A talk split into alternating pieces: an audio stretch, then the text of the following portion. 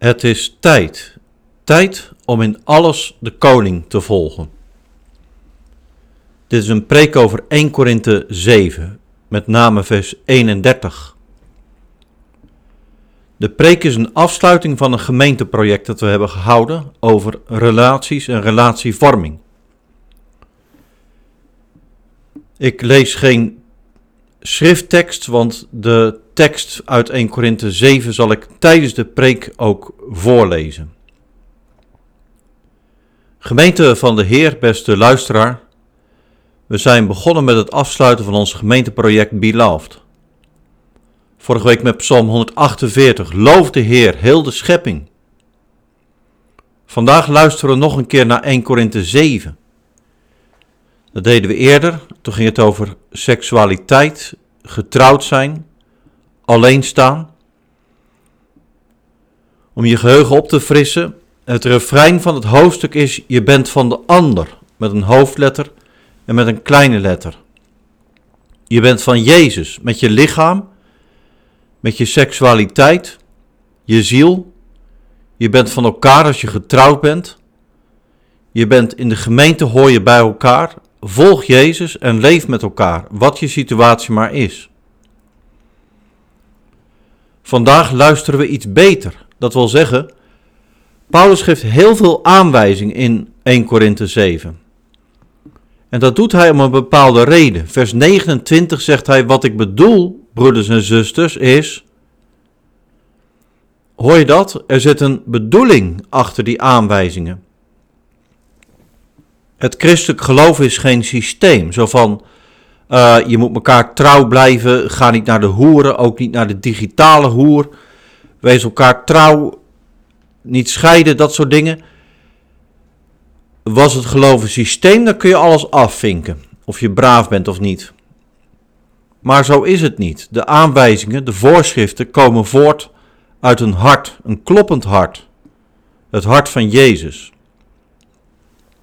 Doorheen het evangelie, ook dat van 1 Korinthe 7, zie en hoor de Heer. Luister zo naar dit evangelie. Paulus zegt het volgende. Wat ik bedoel, broeders en zusters, is dat er maar weinig tijd rest.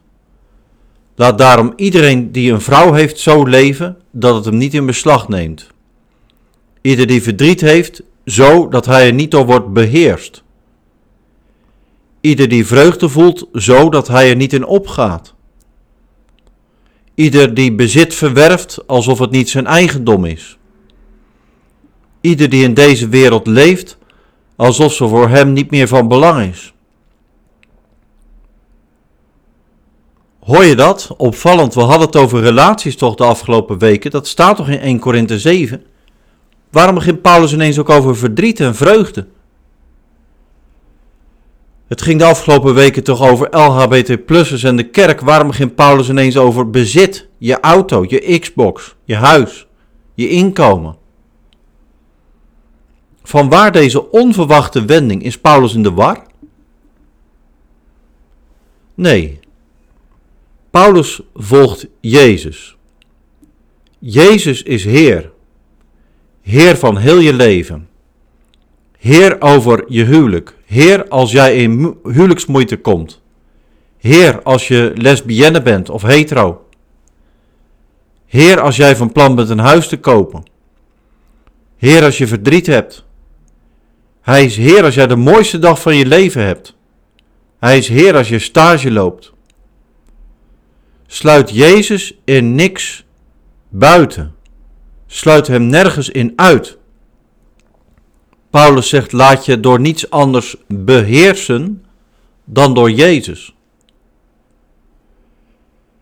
Paulus zegt niet wat sommige christenen er wel eens van maken in dit leven, het hier numaals, jongens, het stelt allemaal niks voor. Leef je leven. We wachten op straks. Ja, we krijgen straks alles in de eeuw die komt. Maar het gaat erom dat je Jezus volgt. In heel je leven. In alle relaties die je krijgt. Gemeenteluisteraar kijken zo naar. Ik hoop en bid dat ons gemeenteproject ons dichter bij Jezus heeft gebracht. En als we dichter bij Jezus komen, dan komen we ook dichter bij elkaar. Want Hij is de Heer die de zijnen samenbrengt. In vers 31b van 1 Korinthe 7 staat de zin die de situatie het duidelijkst maakt. Paulus zegt, ik neem even vier verschillende vertalingen. De wereld die wij kennen gaat ten onder. Of de gedaante van deze wereld gaat voorbij. Of, de Bijbel in gewone taal, de hele wereld zoals wij die kennen zal binnenkort verdwijnen. Nog een vertaling, het uiterlijk van deze wereld gaat voorbij. Wat vind je van die zin? De wereld die wij kennen gaat ten onder. Is dat bedreigend? Ten onder gaan? Maakt het je onzeker? De wereld die wij kennen, wat komt er dan? Hoe ziet dat eruit? Gemeente luisteraar, je krijgt zicht op de betekenis en de strekking van deze zin als je die niet isoleert. We begonnen dit project bij Henoch. Er staat Genesis 5, hij leefde in nauwe verbondenheid met God en was er niet meer. Voor hem kun je gerust zeggen dat 1 Korinthe 7 al gold.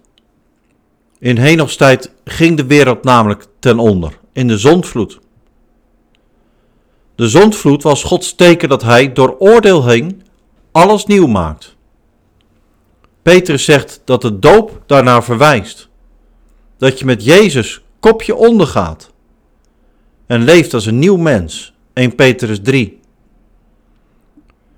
Maar denk ook aan de profete Ezekiel bijvoorbeeld. Hij heeft het einde van de wereld aangekondigd. Hij zei: De tempel in Jeruzalem zullen worden verwoest. En Ezekiel profeteerde ook van een nieuwe tijd in de opstanding van de doden. Dat beroemde hoofdstuk 37. Denk aan onze Heer Jezus zelf. Hij kondigt het einde aan van de tweede tempel en tegelijk daarmee zijn komst in majesteit. Marcus 13.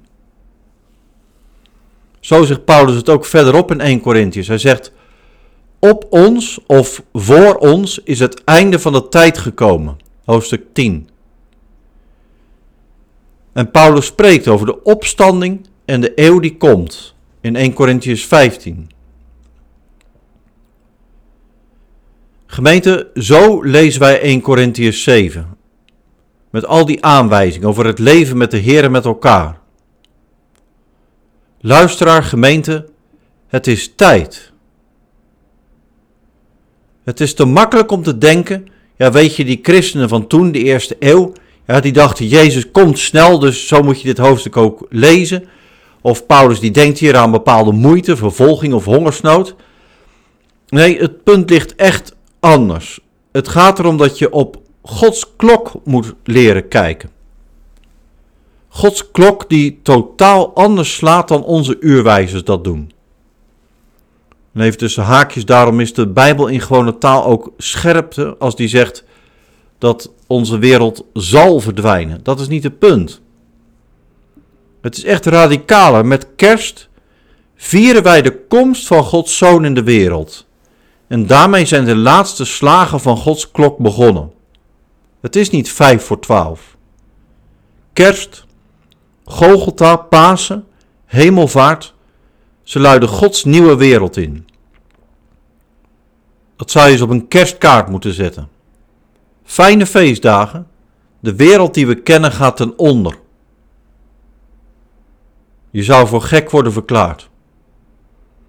Maar bijbels gezien, het is wel zo.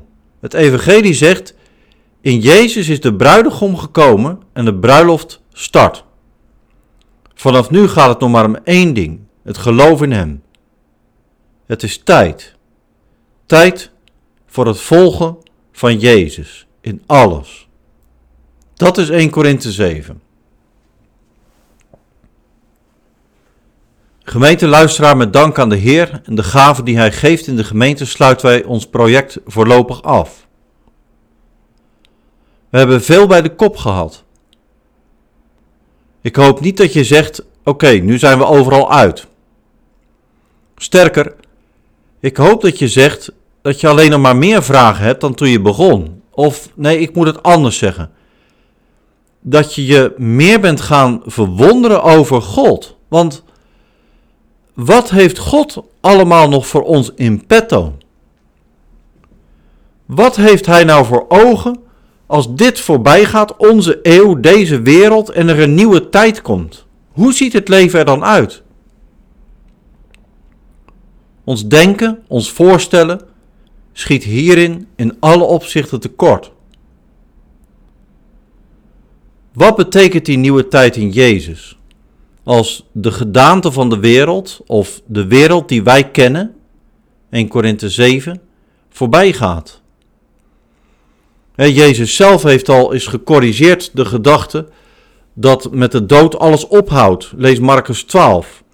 Jezus zegt: God is een God van levenden, niet van doden. En wij zullen dan zijn als de engelen en we zullen niet meer trouwen.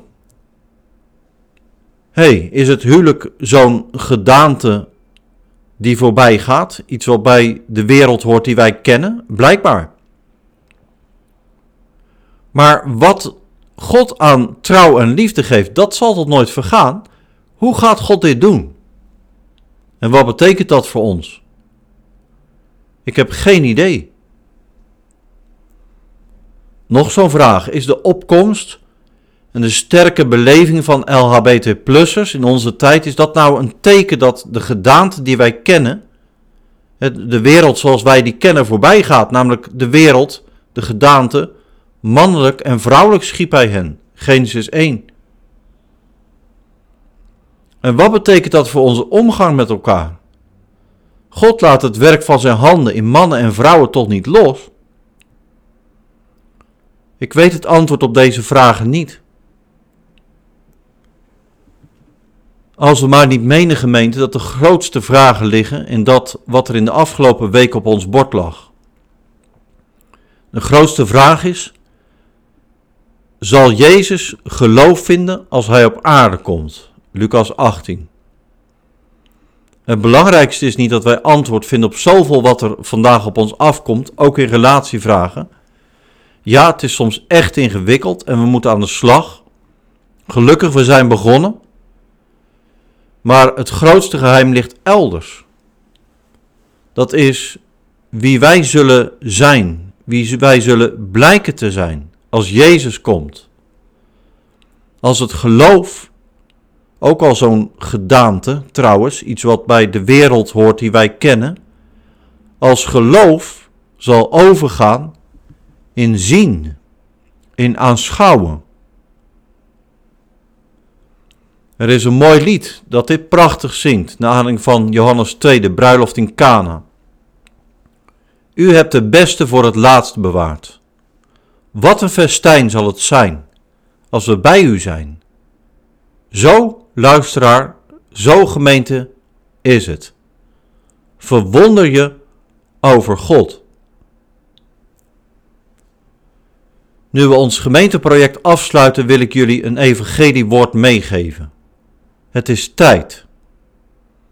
Tijd om te breken met jezelf, de oude wereld, je oude leven je oude gewoonten, je oude denken. Het is tijd om te leven in en uit het geloof in Jezus, in alles.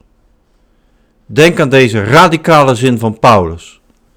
Alles wat je niet uit geloof doet, is zonde. Gemeente, luisteraar, het is tijd. Gods zoon is op aarde gekomen. Loof de Heer. Eer aan God in de hoogste hemel en vrede op aarde. Amen.